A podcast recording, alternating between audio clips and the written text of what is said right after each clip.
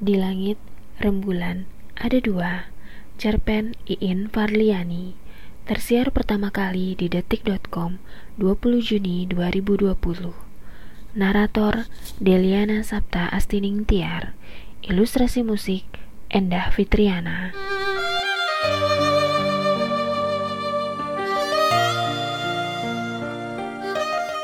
Sekarang pukul 12 siang.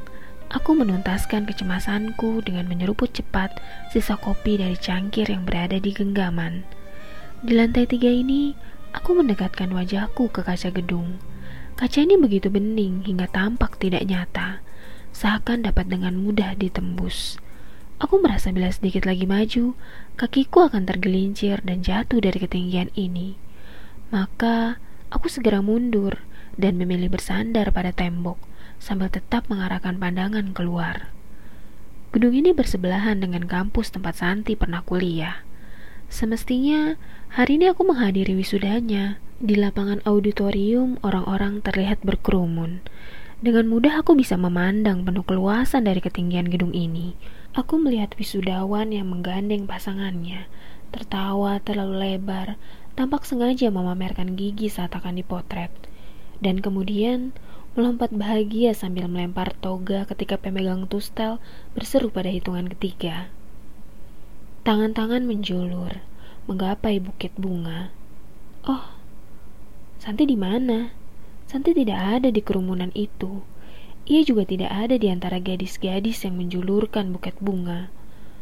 Aku membayangkan Santi sedang duduk sendirian, kakinya diselonjorkan, bertopang dagu dengan pandangan sedih tanpa buket bunga di genggaman. Aku bergerak gelisah, lalu menyeruput kopi. Aku baru tersadar sedikit takjub. Di antara puncak gedung lainnya, di titik yang cukup jauh, aku melihat dua balon raksasa. Dua balon udara, yang satu berukuran besar dan yang satunya sedikit lebih kecil. Rupanya festival ini masih berlangsung, gumamku. Mereka belum menurunkan dua balon udara raksasa itu. Dua balon udara itu mengingatkanku dengan obrolan bersama Santi dari balkon rumah kami.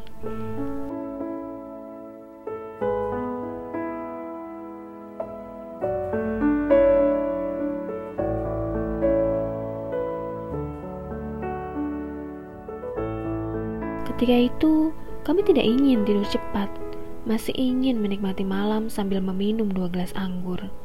Aku terkesima. Ada yang menyala dari kejauhan dan terlihat begitu jelas dari balkon kami. Lihat, bukankah bulan ada dua? Suruhku sambil menunjuk ke arah dua bulan yang mengambang. Santi tertawa. Itu bulan, bukan. Itu lampu raksasa. Eh, lebih tepatnya balon udara, ku pikir. Mereka menyalakannya saat malam hari. Itu bulan, benar-benar bulan. Tidakkah kau lihat? Coba kau lihat dengan cermat. Memang tampak seperti bulan. Kau belum melihat seluruhnya. Gedung itu terlalu tinggi, menutupi sebagian balon udara itu. Ayo kita ke lapangan suatu saat untuk melihatnya langsung. Santi lalu menjelaskan.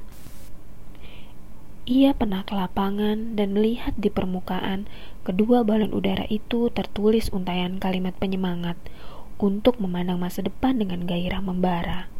Wabah telah usai, dan inilah bentuk perayaannya. Mereka memasang lampu besar di dalamnya.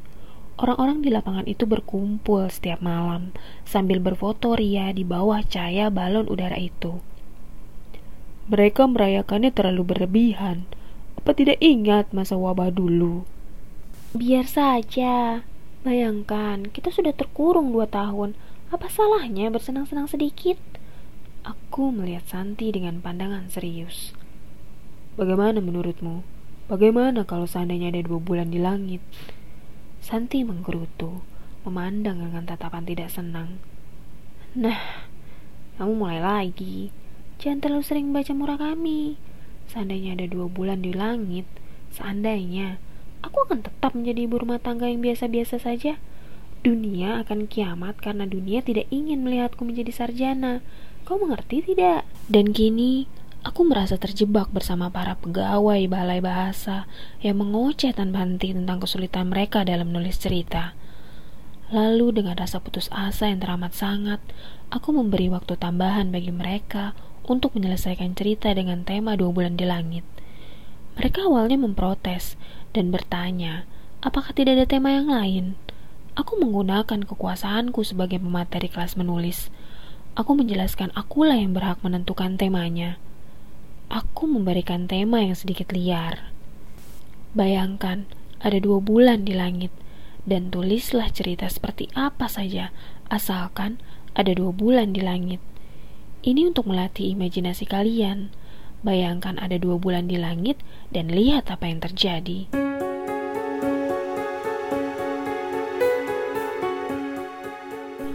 Seorang peserta laki-laki bertampang sangar bangkit dari kursinya.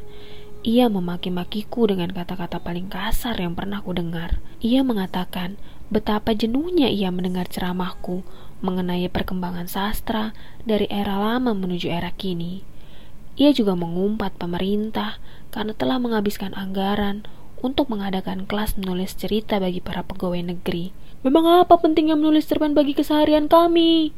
Teriaknya. Suasana tegang. Semua mata memandang. Jantungku berdebar sangat keras. Aku juga ingin berteriak padanya. Aku ingin mengatakan, aku juga tidak ingin bersama kalian. Pegawai bertampang tolol. Seharusnya aku bersama Santi sekarang menghadiri wisudanya. Tapi kata-kataku tertahan di tenggorokan, tercekat dan terasa amat kering. Aku begitu lelah dan segera pergi keluar, berdiri menghadap kaca gedung untuk mencari-cari Santi di antara kerumunan. Apakah Santi akan menjadi satu-satunya wisudawan yang tidak menerima buket bunga? Karena aku, suaminya masih terjebak di sini dan belum dapat membebaskan diri.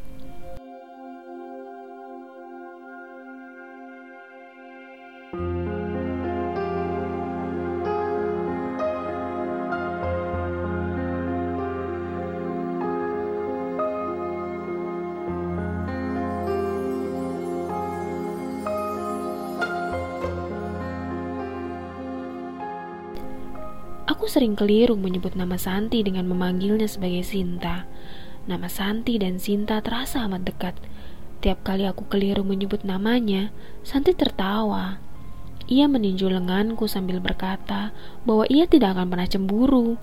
Katanya, kalau aku ingin menggodanya dengan sengaja mengubah namanya menjadi Sinta, nama mantan kekasihku, maka aku telah gagal. Benar-benar gagal, sebab ia tidak akan pernah cemburu. Aku sendiri tidak memahami mengapa pada waktu-waktu tertentu aku selalu salah menyebut namanya. Aku bermaksud memanggil Santi, tapi yang keluar adalah Sinta.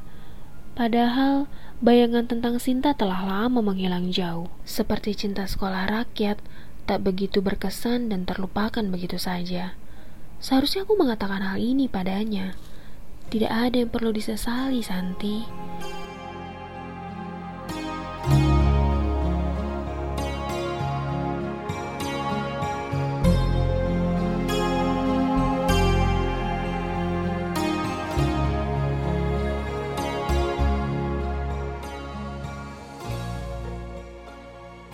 Malam-malam ketika ia mengigau, ia menangis. Wajahnya bersimbah keringat. Aku membangunkannya dan bertanya ada apa. Ia masih merasa menyesal telah menikah muda dan melewatkan banyak hal yang ia pikir lebih berguna. Apakah kau juga menyesal aku menjadi suamimu? Tanyaku kala itu. Samar-samar aku mendengar kalimat. Aku ingin kita berpisah. Tak siapa di antara kami yang benar-benar mengatakannya. Ah, aku tak dapat membayangkannya lebih lama lagi. Untuk kesekian kali, aku melihat ke arah kerumunan. Apakah Santi akan menjadi satu-satunya ibu rumah tangga yang tanpa pendamping di hari wisudanya? Ibu rumah tangga yang terlambat menyelesaikan pendidikannya tersebab menikah muda, juga karena wabah kota yang bertahun-tahun menunda kelulusannya. Aku tertegun dari lamunanku seorang peserta pelatihan penulisan cerita pendek menghampiriku dan mengatakan ia telah menyelesaikan ceritanya. Aku melihat jam tangan, lalu segera sadar, tenggat waktu yang kuberikan memang sudah habis. Aku melihat lembaran kertas berisi tulisan tangan yang diserahkannya. Kertas itu tampak cemong-cemong dengan tulisan tangan yang benar-benar tidak dapat diterka bentuknya. Berusaha keras membaca kalimat pertama pada naskah cerpen itu sudah membuatku sangat menderita dan putus asa. Peserta itu tersenyum tipis. Ia seorang laki-laki yang masih muda. Ia mendekatkan dirinya ke arahku, hampir seperti melakukan gerakan merangkul. Aku sedikit terkejut menyaksikan sikapnya dan dengan segera memasang sikap siaga.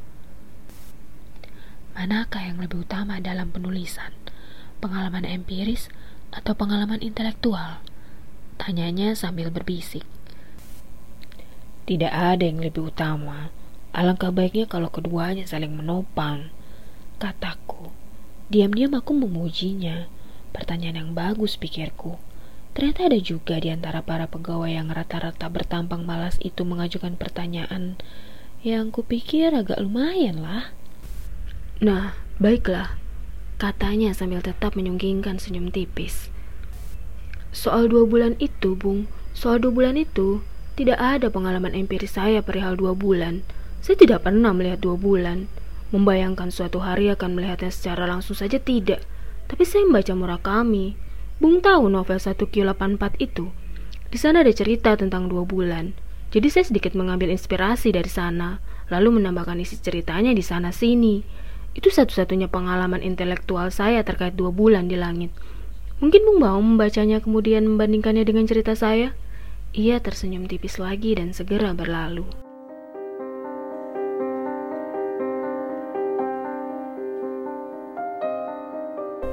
Hari menjelang sore, semua urusan terkait pelatihan penulisan telah selesai.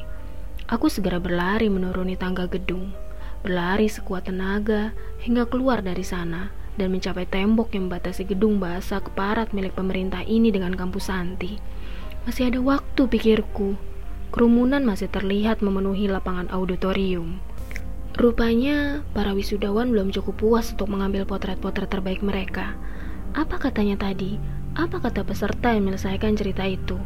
Ia tak punya pengalaman empiris tentang dua bulan di langit. Ia hanya punya pengalaman intelektualnya. Tentu saja ia berbeda denganku. Setidaknya Aku pernah menyaksikan dua bulan dari balkon rumahku bersama Santi. Aku punya dua pengalaman, dua bulan murah kami dan dua bulan palsu dari balkon itu. Aku akan mengajak Santi malam ini ke lapangan terbuka, tempat dua balon udara raksasa itu berada, tempat orang-orang berkumpul mengingat semua kenangan pahit tentang wabah penyakit menular yang pernah melanda kota dua tahun lalu.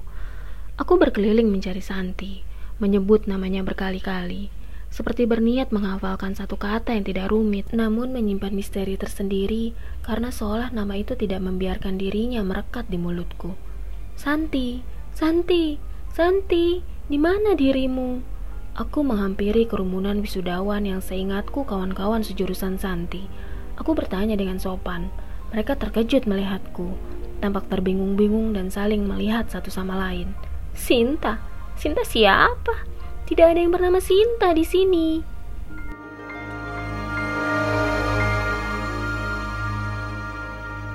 Sastra suara ini hasil kerjasama divalitera.org dan Tokopedia.